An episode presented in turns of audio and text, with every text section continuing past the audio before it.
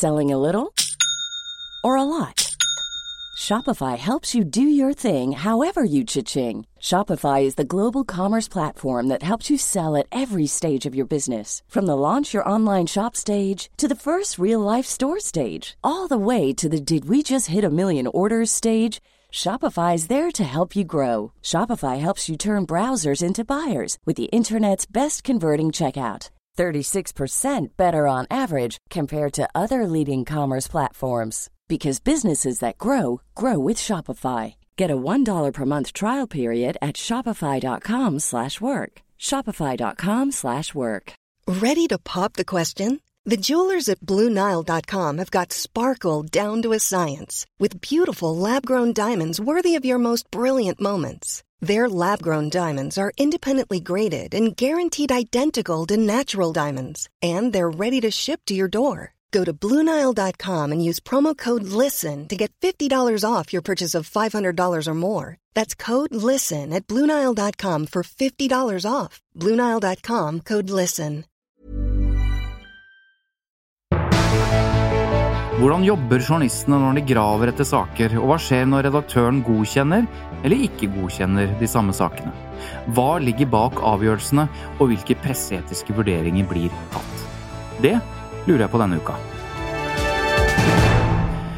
Ja, og dette er jo noen av de spørsmålene som ligger til grunn for hele podkasten Tut og mediekjør, og grunnen til at jeg stiller de spørsmålene akkurat i dag, er fordi jeg har fått en gjest som jo kan svare på alt dette her.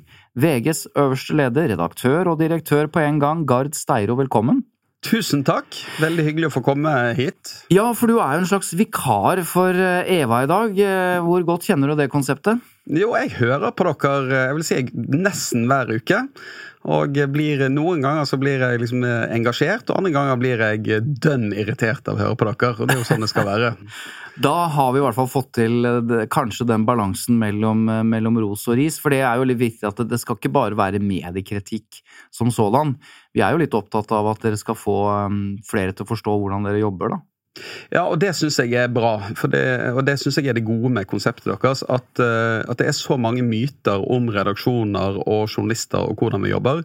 Det ser jo jeg veldig ofte i de tilbakemeldingene jeg får fra lesere på VG. Mm. At folk har oppfatning om hvordan journalistikk skapes og hvordan mediene fungerer, som, som er ganske langt fra den virkeligheten vi opplever. Og jeg tror at eh, i et samfunn som blir mer transparent, som blir mer åpent, så tror jeg akkurat denne type konsepter der man både kritiserer mediene, men òg åpner opp og forteller mer om hvordan vi jobber, er ganske viktig for tilliten til mediene på sikt. Mm. Det er topp, det. Takk for at du kom, Garzaro. Det var det jeg trengte. Ja, da var jeg ferdig. du, eh, altså Eva, eh, ved en inkurie så er hun fraværende i dag. Så, eller det vil si, eh, ikke en inkurie. Eh, det betyr vel eh, egentlig noe annet. Det er det vi skriver i rettelsene når vi har tabbet oss ut av uforståelige ja, årsaker. Ved en inkurie. Ja, for det er inkurie. Ehm, det betyr vel eh, strengt tatt eh, noe annet. Vi er veldig opptatt av språk, skjønner du. For det betyr jo en, for, altså en forglemmelse eller en uoppmerksomhet. Derfor ja, bruker dere det. Og en uforståelig, eh, ja. rett og slett en okay. uforståelig tabbe. Eva, du er ikke her pga. en inkurie, du har en veldig god grunn. Så, så, men vi ses igjen snart. Sånn er det gjort riktig. Du skal slippe å være hennes vikar, du skal få lov til å være gjest, for jeg har en del eh, spørsmål til deg. Og, eh, og det starter jo eh, på sett og vis med de åpningsspørsmålene, men la meg, eh, la meg Eller det skal ligge i bunn. Men la meg starte et annet sted. Eh, hvorfor er du redaktør? Jeg er egentlig redaktør ved en tilfeldighet, vil jeg si. fordi det var jo journalist jeg ville bli. Uh, og så ønske, altså Jeg har alltid hatt ønske om å jobbe med journalistikk, og jeg syns det har vært eh, viktig. Jeg synes det har vært meningsfullt. Altså hvis, hvis, du er samfunnsinteressert og har lyst til å påvirke, så, og har en sånn rettferdighetssans i bunn, da jeg, viktig, da driver mange journalister, så er det å jobbe i mediebransjen eh, et riktig sted. Og så har jeg liksom fått en mulighet til å bli redaktør, og når du får bli redaktør, så Oppfatter du det som enda mer meningsfylt enn å være journalist? For det er det som er spørsmålet, egentlig. Hvorfor du er og velger å være redaktør i dag og i morgen og fortsatt. Altså, hva er det som eh, Du var inne på det, en slags rettferdighetssans, men kan du utdype det litt? Hva er det som driver deg? Det er, altså, hvis du opp hvis du er innom på en nyhetsdesk når, man, når, det, når det, skjer noe dramatisk mm. i samfunnet, og du føler på behovet, altså informasjonsbehov som er der ute, og du føler du kan dekke et behov, det oppleves veldig meningsfullt. Men for meg så har det alltid vært det å Den journalistikken, når du har undersøkende saker, eller saker som avdekker urett, og spesielt sånn forsømmelser fra det offentlige, når du føler du får gjort det, eh, da gir det bare et sånn ekstremt mye Det er bare helt mm. vanvittig meningsfullt. Og da, det, fyll, altså det er jo journalistikk, de vanlige hverdagene i en avis er jo ofte grå, men de dagene veier opp for det. Og jeg tror det det er mest meningsfullt tror jeg, å være journalist. For da møter du jo menneskene. Da ser du effekten mm. journalistikken din kan ha for enkeltmennesker, og hvordan det kan påvirke samfunnet. Men hvis du blir redaktør, så blir du mer en tilrettelegger. Og det lærte jeg meg da jeg ble leder. Sant? At du må slutte liksom, å være inne i sakene sjøl. Du må prøve å finne glede i å legge til rette for at organisasjonen fungerer, og at folk, journalistene, mm. får lov å gjøre jobben sin og, og liksom lage de store sakene. Og det, altså, det, tror jeg alle som har stått i en relasjon og jobbet i en redaksjon, og opplevd det å avdekke et eller annet som folk ikke vet om, altså det vi, og som er ukjent for publikum, men noen har prøvd å holde skjult, og så ser du at det får en konsekvens. Det er um, Tilfredsstillende? Ja, det er tilfredsstillende. Og det, det, den det å jobbe i mediebransjen er gøy, for det, det, er høy fart, det er høyt tempo, du lærer mye, det er veldig mye interessante mennesker. Du jobber jo Mens en forsker må jo jobbe veldig lenge for å komme mm. til et resultat, så jobber vi med konklusjoner egentlig hele tiden, og har veldig lett tilgang til de, altså de mest spennende menneskene i verden. Mm. Men det, er, det som virkelig er tilfredsstillelse, mener jeg, det er den der følelsen av at det du gjør, utgjør en forskjell. Sånn er det ikke i hverdagen, men noen ganger er det sånn, og de øyeblikkene, de betyr mye for, tror jeg, veldig mange som jobber i norske relasjoner. Jeg tror vi må forlate akkurat det temaet, for, for, fordi jeg har vært journalist, som du vet, og det er jo Man får jo lyst til å bli journalist innimellom, igjen. Og det er vel eh, ja, Hvis du ser eh, Spotlight, da, eller ser en av journalistfilmene som lages, mm. så, så, sitter du bare og har lyst til å begynne å skrive igjen. Mm. Det er jo det du har lyst til, også når du virkelig ser hvor viktig journalistikk kan være. Men du, um, du er redaktør, og en redaktør uh, skal for eksempel ikke gjette for press, som det heter. Og det mm. har vi diskutert en god del de siste ukene. Eh, det skal være et veldig klart skille mellom for eksempel eiere og, og redaktør. Um, og så vet vi at det er mange som forsøker å utøve press på redaktører eller redaksjoner og journalister altså i samfunnet, de som blir utsatt for, for kritisk eh, journalistikk. Jeg, jeg, lurer på hva slags press mot journalistikken og mot deg som redaktør er det lett å stå imot? Det er ofte lett å stå imot eksternt press uh, eh, syns jeg. Altså det jeg så Irene Halvorsen i Nasjonen snakket om her om alt mulig press som man kunne bli utsatt for som redaktør. Og det kan jo være fra eh, kriminelle, det kan mm. være fra politikere, det kan være fra kommunikasjonsbyråer eller Store virksomheter. Store virksomheter. Du mm. utsettes for et press. Du er jo et konstant press som redaktør. Uh, og, uh, og, jeg syns at det som kommer utenfra, det er vi ganske vant til å stå i. Og da står ofte òg redaksjonen samlet. sant? Det som kan være mer krevende å håndtere, er jo det krysspresset du kan stå i, i et, sånn som i et konsern, sånn som Amedia-saken nå har vist. sant? At du, mm. du står i et press mellom, uh, ja, mellom eiere, mellom egen redaksjon, mellom tillitsvalgte. altså Det er veldig mye press du står i der du skal prøve å finne, finne, riktig vei i dette, da. Og mm. det er jo det er, det, Men det er jo det som er jobben, da. Sant? Å stå i dette. Men, men det, det, interne altså, det, Fordi um, Ja, jeg, jeg husker um, om jeg bare var Hiring for your small business? If you're not looking for professionals on LinkedIn, you're looking in the wrong place. That's like looking for your car keys in a fish tank. LinkedIn helps you hire professionals you can't find anywhere else, even those who aren't actively searching for a new job but might be open to the perfect role. In a given month, over 70% of LinkedIn users don't even visit other leading job sites. So start looking in the right place. With LinkedIn, you can hire professionals like a professional. Post your free job on linkedin.com slash people today.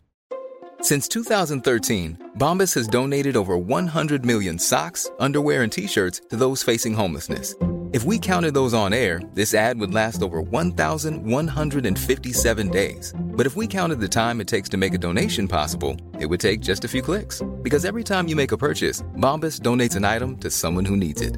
Go to bombas.com slash ACAST and use code ACAST for 20% off your first purchase. That's bombas.com slash ACAST, code ACAST.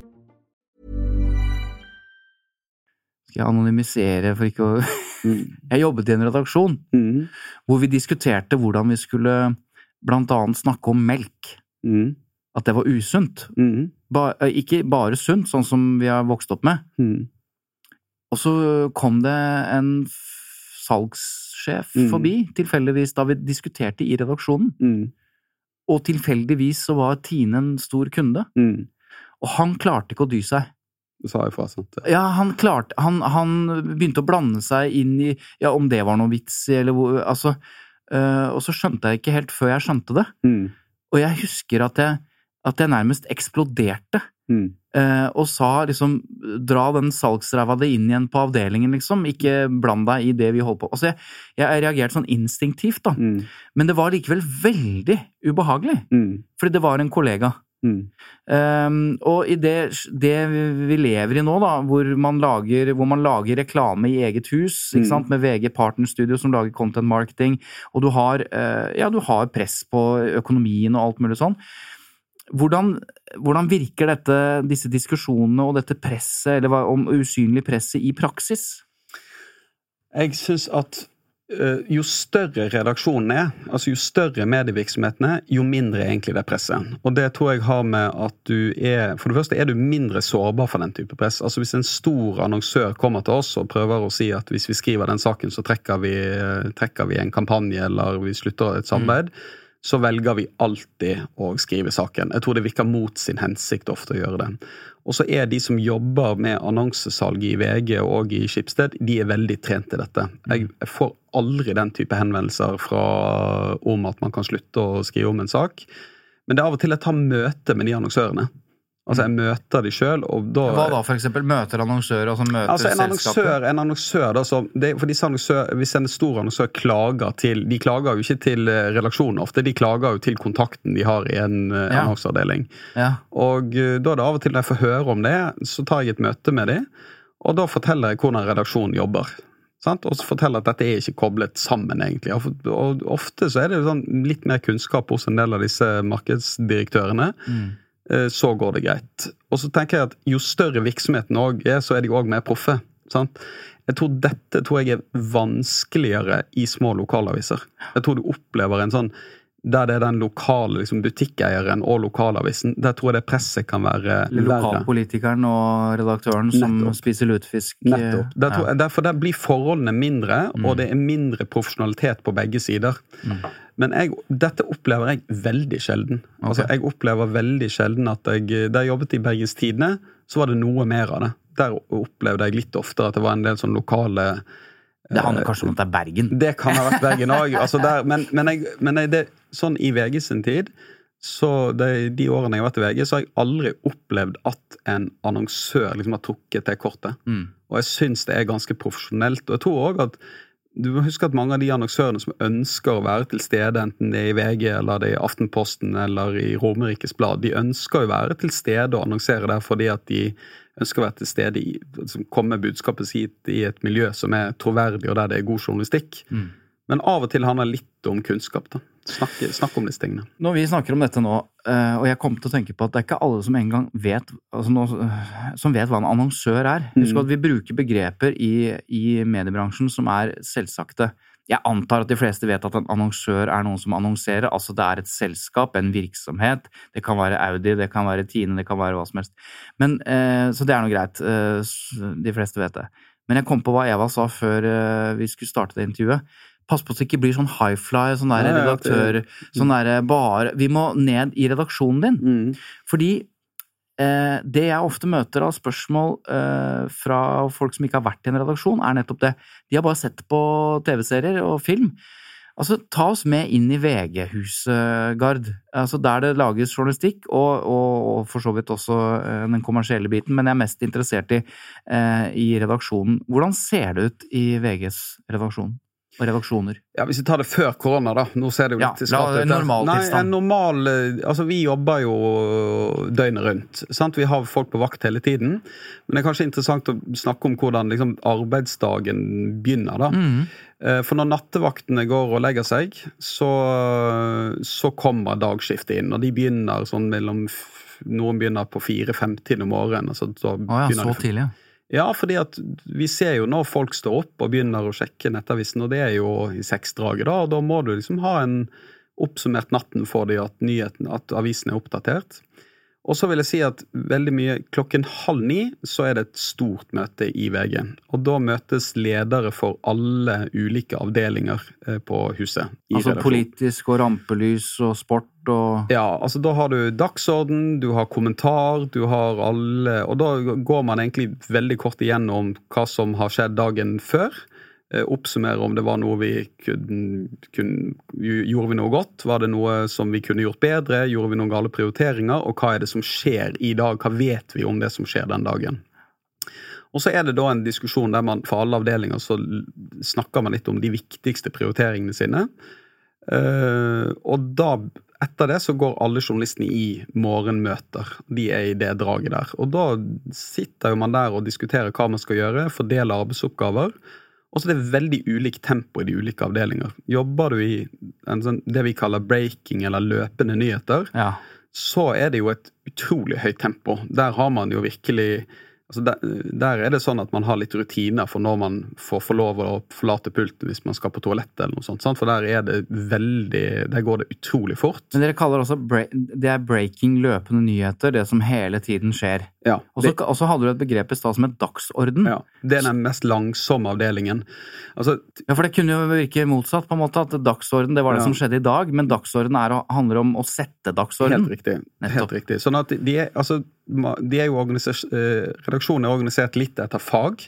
Altså politikk, krim, utenriks, Mm. eh, rampelys eh, ja, eh, den, og sport. Mm. Og så er de organisert etter tempo i journalistikken. Ja.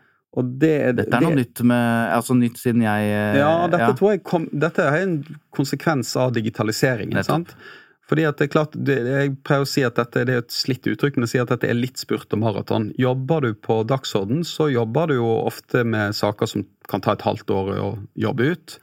Og da må du ha helt andre møtestrukturer og måten du jobber på, enn der du skal jobbe på løpende nyheter. Der er jo der, altså Faktasjekk i en dagsordengruppe, det tar tid. Og de tar seg god tid til det.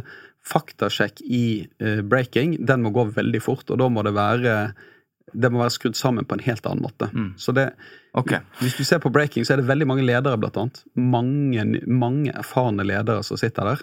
Og det er jo rett og slett fordi at du skal ha et rask mulighet til å liksom, kontrollere og godkjenne stoffet. Men det, morgen, det- skjer noe om morgenen. Altså der sitter, hvis du er journalist i VG, så kommer du på jobb. eh, og før i tida, da, på disse morgenmøtene, det kunne være en selsom opplevelse i flere redaksjoner. For da, var- da er det sånn, hvis du kommer på jobb uten å ha en idé om liksom Jeg har en idé, kanskje vi skal lage en sak om dette. Du bare kom på jobb, litt sånn uforberedt. Og så går runden. Ja, hva skal du, Jonas, hva skal du skrive om i dag? Hva tenker? Er det fortsatt sånn at man går rundt og hører hva journalisten Er det journalistene som bringer sakene til deg, eller er det omvendt? Det er, det er en vekselvirkning, men jeg vil si at det er jo den viktigste delen av å være journalist, mener jeg. Det er jo å bringe inn saker. Altså fordi at Vi får jo, kan få saker mellom at vi kan bare følge det som skjer. Altså Det skjer jo nok i samfunnet at vi bare kan dekke akkurat det som skjer her og nå. Men det er jo ikke det som liksom er gullet i en redaksjon. Og gull i en redaksjon er, må jeg innrømme, sjelden ideene som kommer fra redaktøren. Det er bare unntaksvis at det er det som liksom gir uh, som gir virkelig de gode sakene. Men du, hvis du skal være en god journalist, så må du ha et nettverk og en mulighet til å finne saker.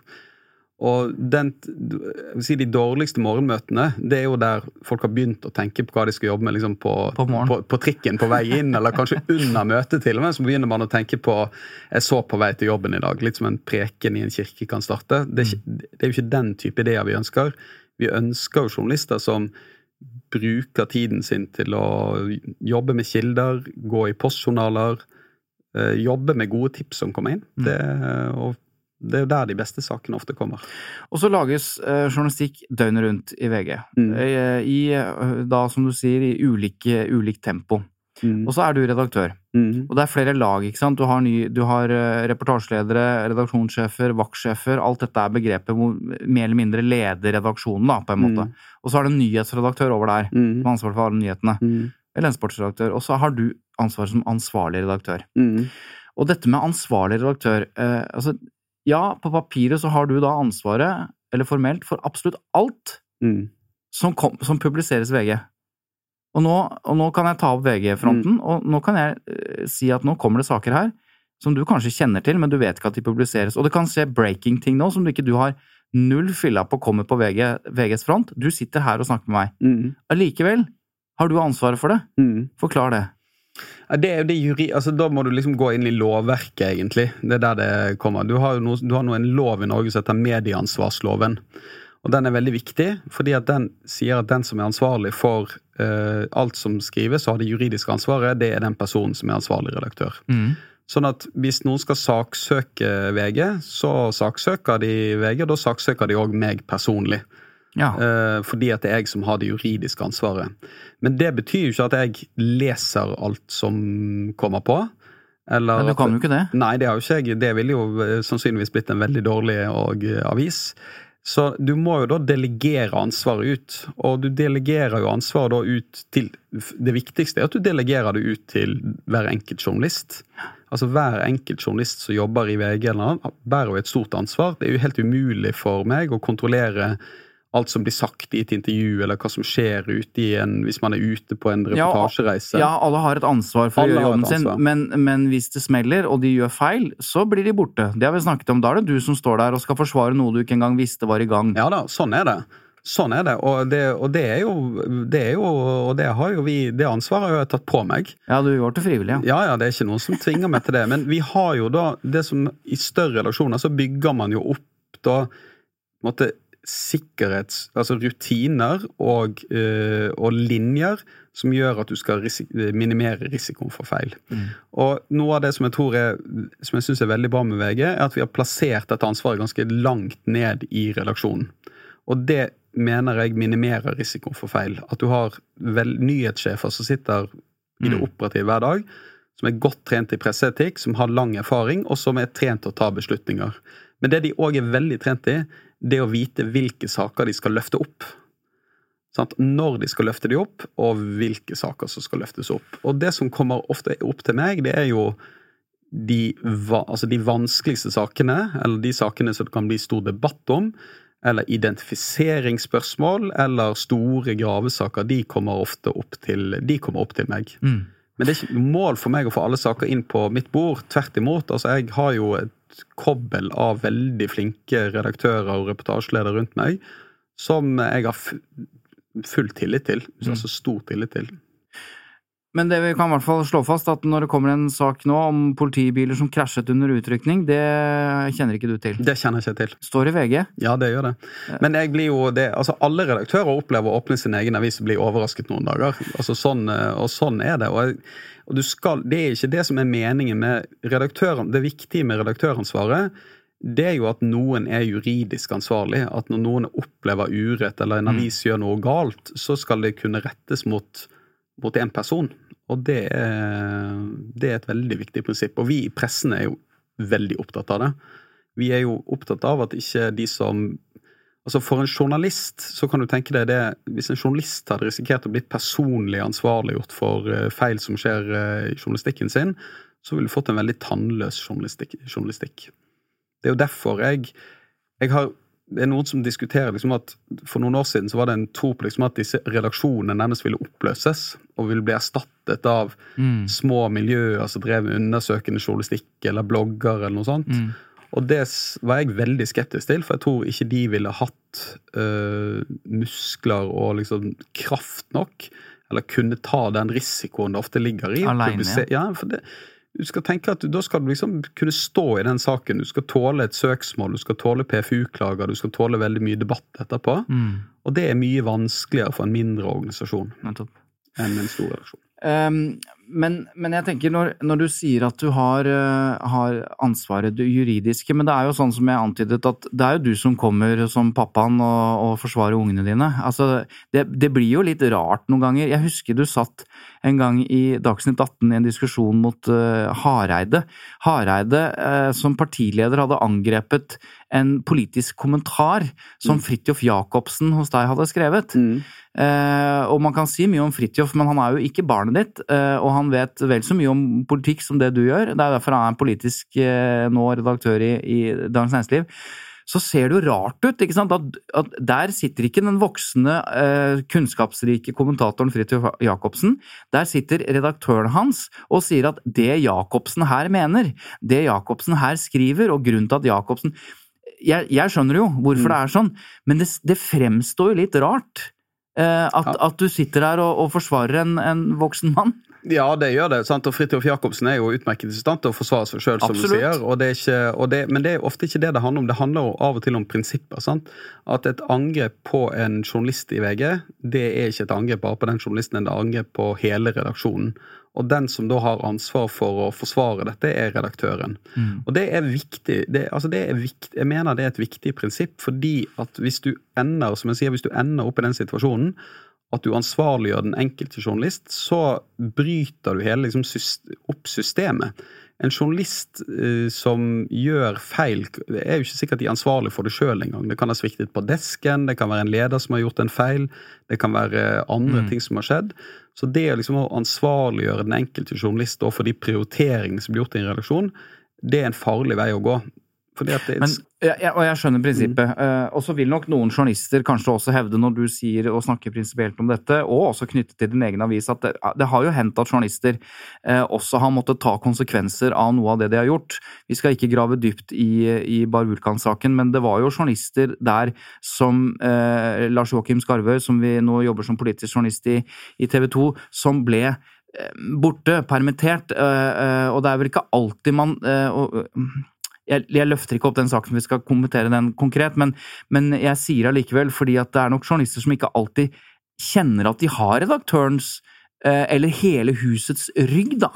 Ja, det tror jeg, og det, jo, det skjer jo med gjennom mellomrom. Altså, den saken, og det har vært andre eksempler i andre medier sant, som har vært veldig rammende. altså Store saker som i seg selv er store, men det så blir store mediesaker der trøkket mm. blir veldig stort, og der journalisten òg blir rammet, eller enkeltleder i en redaksjon blir rammet, eller som bare Vulkan-saken, så var jo mm. mitt ansvar, mm. uh, der det blir et veldig stort uh, trøkk. Og det, og det, kan jo skje. Det er jo en enkeltjournalister som òg liksom bryter noen ganger, uten at det er snakk om den saken, mm. som bryter, og liksom, bryter de interne spillereglene.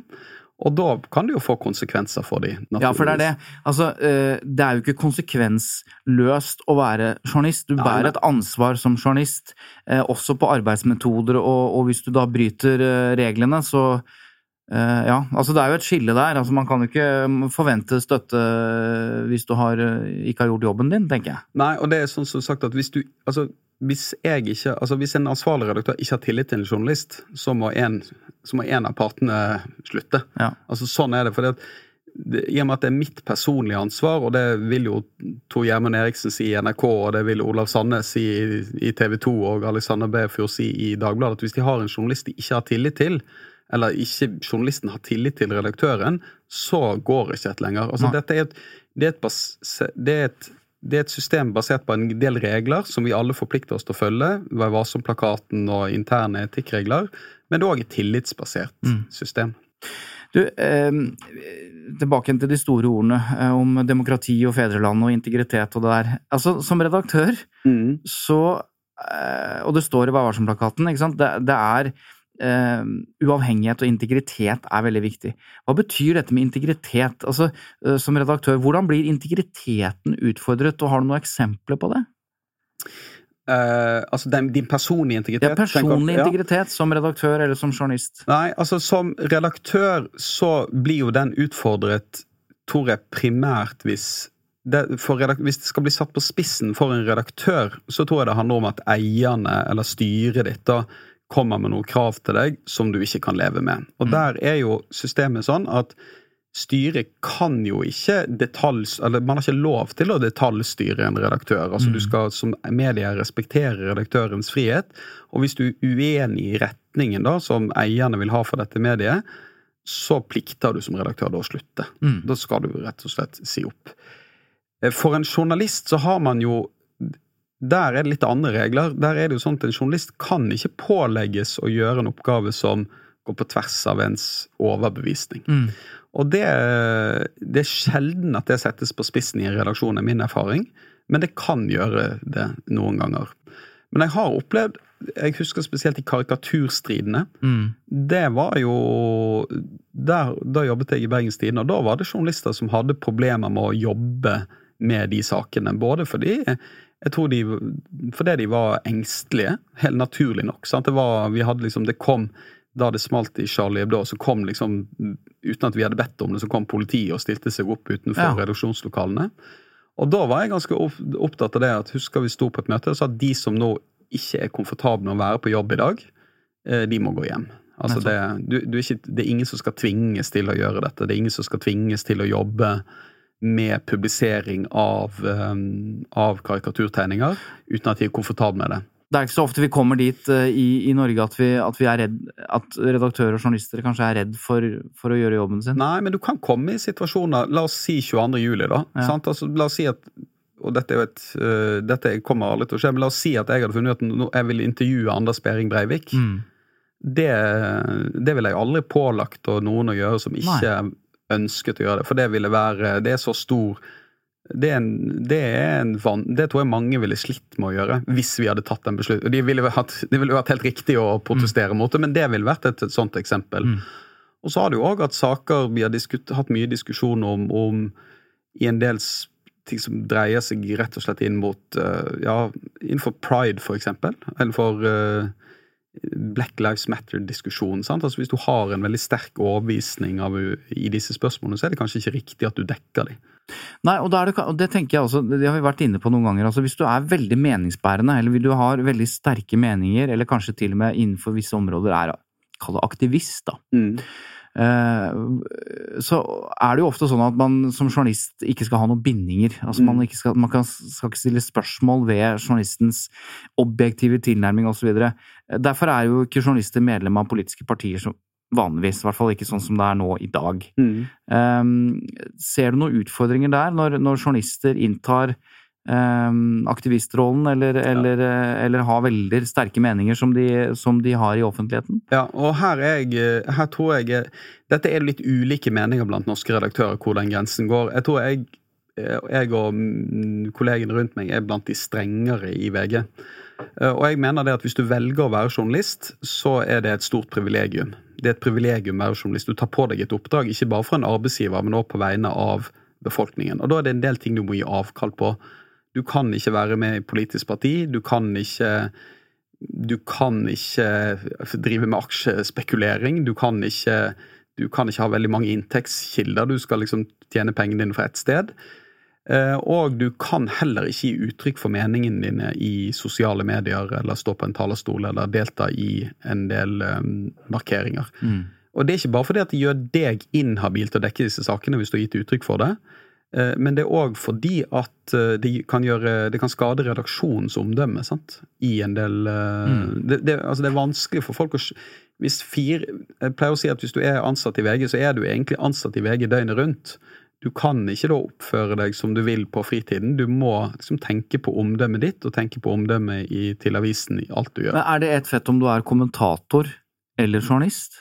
Nei, Kommentatorer står jo mye friere til å gi uttrykk De er jo betalt for å gi uttrykk for sin egen mening, Ja, men jeg ville sagt at men en kommentator kan heller liksom ikke melde seg inn overalt, eller bør jo også tenke på hva de gjør, hvor de engasjerer seg. Men kommentatorer eh, står i en annen situasjon enn en Mm. nyhetsjournalist.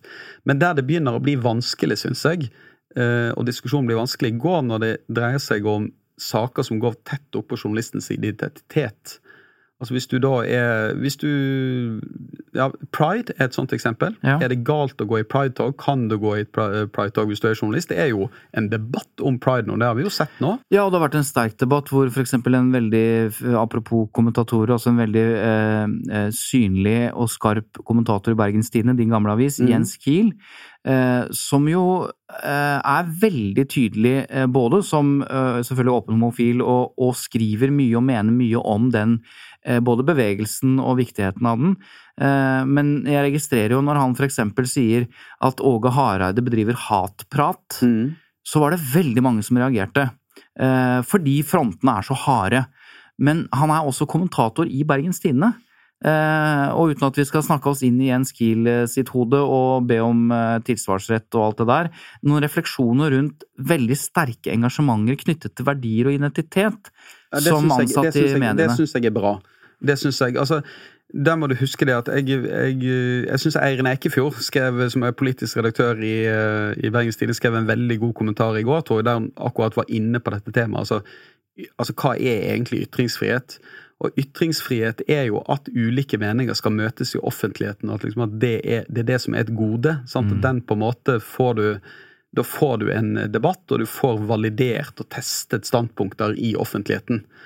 Og det at kommentatorer inntar veldig skarpe standpunkter, det er bra. Det er et gode at du altså Hvis alle kommentatorene hadde ligget i samme leia, så ville jo dette vært veldig mhm. dårlig nytt for det offentlige ordskiftet. Men det er forskjell på en kommentator som Jens Kiel som mener noe om dette, og du vet utgangspunktet hans, du vet standpunktet, han er helt åpen om det, enn om du skal bli møtt av en nyhetsjournalist, og bli intervjuet om disse spørsmålene.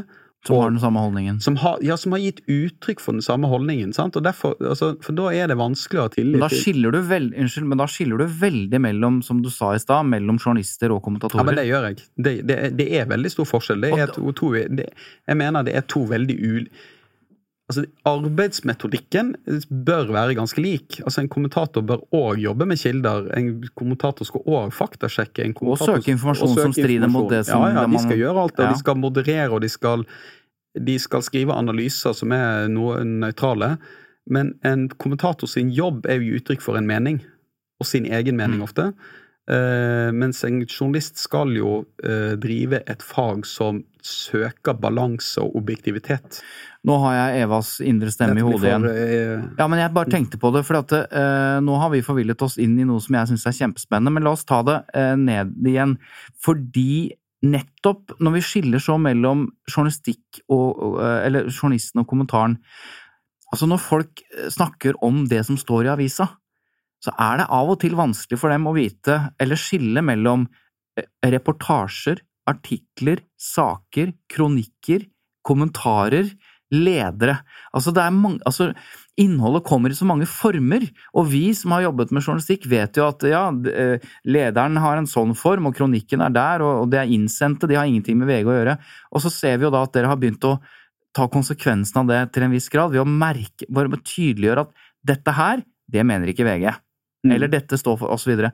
Men, men det der tror jeg kanskje vi har undervurdert litt. Det der at, at folk er så oppmerksomme på hva som er hva. De oppfatter at det står i avisa. Ja, jeg tror du har helt rett. Og jeg får jo jeg får jo tilbakemeldinger fra lesere der de blander begrepene. Sant? De kaller en artikkel for en annonse, og eh, mm. motsatt. Sant? Altså vi, jeg tror vi eh, Det blir sagt at du skal aldri, du skal aldri eh, undervurdere den leseren, men du skal heller ikke overvurdere dem. Eh, og jeg tror at det som noe av forskjellen er at da man gikk fra den klassiske papiravisen, som var veldig tydelig oppdelt Jeg tror mm.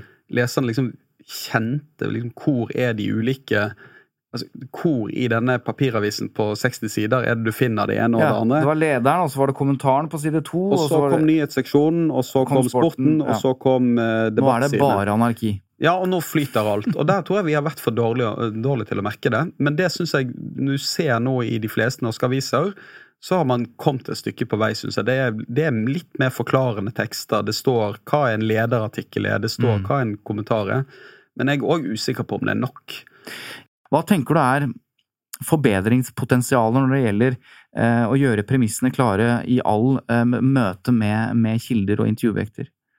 Jeg tror det er mange forbedringspotensial, men jeg, eh, jeg, jeg tror nok òg at vi har, den debatten har jo pågått i flere år, sant? og vi har hatt vi har tabbet oss ut noen ganger. Eh, og du, det fine med å tabbe seg ut, er at det ligger veldig mye læring i det når du gjør feil. Eh, jeg tror hovedutfordringen med å gjøre premissene klare, det, det, det, er særlig når du møter personer som aldri har møtt en journalist. Mm. Som aldri har blitt intervjuet, og kanskje står i en svært sårbar situasjon. Det å skape da et rom der denne kilden eller intervjuobjektet er veldig klar på at du forstår at hva er rettighetene dine, hvordan skal denne samtalen foregå, hva er det jeg siterer deg på, hva er det vi snakker, hvilke deler av samtalen ikke er en del av et intervju. Der har vi hatt mye å gå på. Altså jeg tror denne, jeg tror For ofte tidligere så har dette gått ganske fort. Man har snakket med folk, og så har folk, de som har blitt intervjuet, blitt veldig usikre.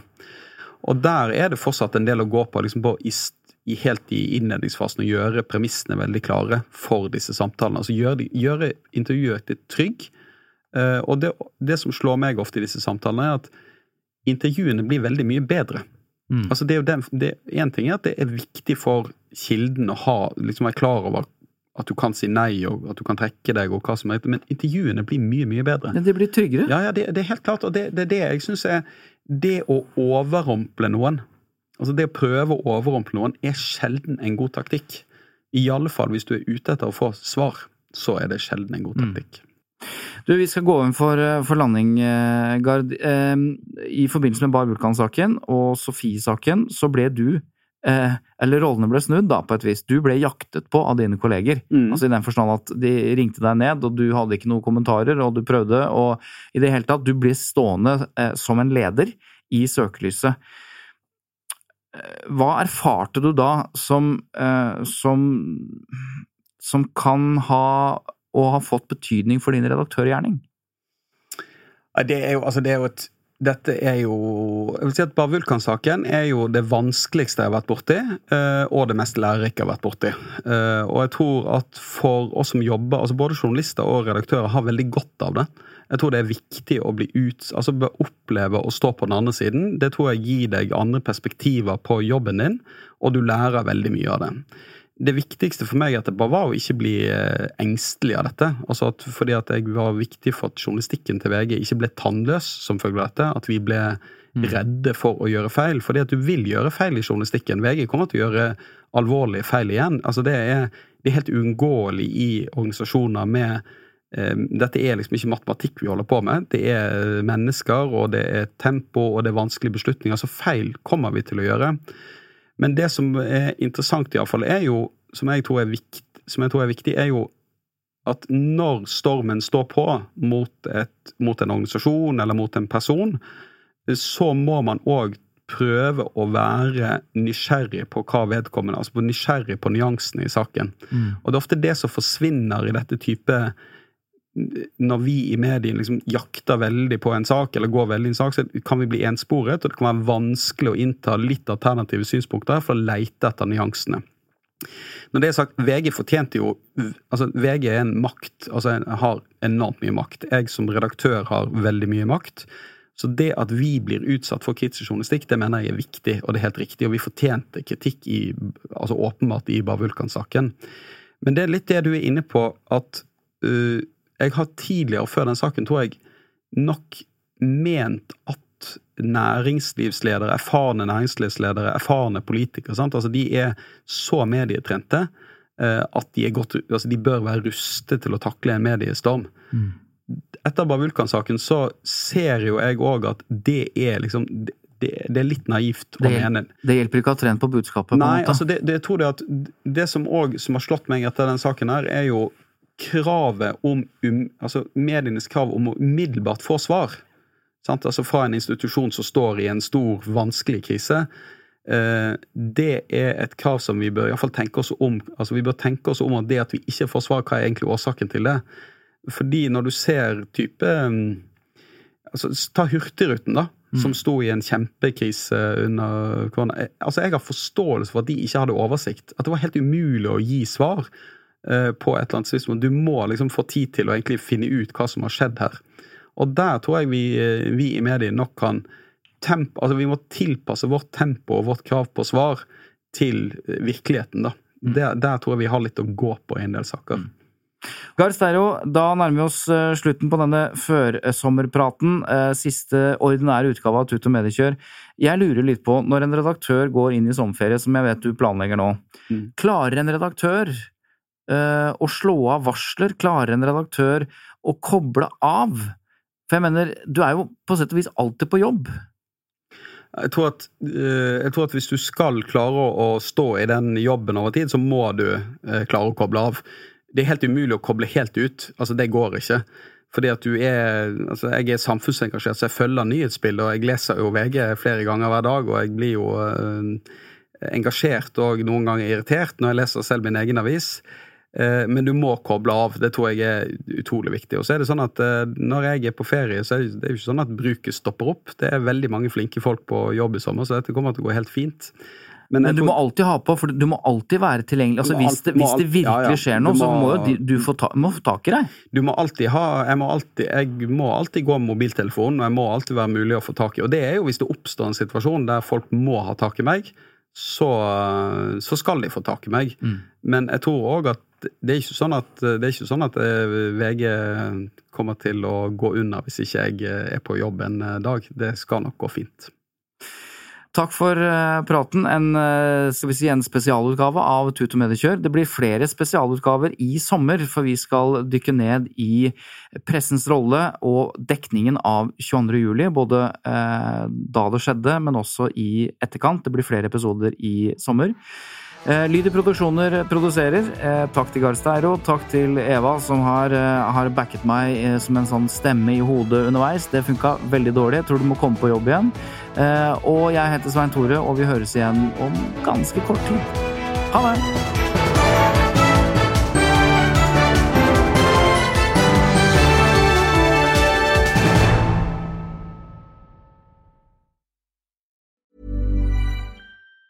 Hi, I'm Daniel, founder of Pretty Litter. Did you know cats tend to hide symptoms of sickness and pain? I learned this the hard way after losing my cat, Gingy. So I created Pretty Litter, a health monitoring litter that helps detect early signs of illness by changing colors, saving you money and potentially your cat's life. Pretty Litter is veterinarian developed, and it's the easiest way to keep tabs on your fur baby's health right at home. Go to prettylitter.com and use code ACAST for 20% off your first order and a free cat toy. Terms and conditions apply. See site for details. Planning for your next trip?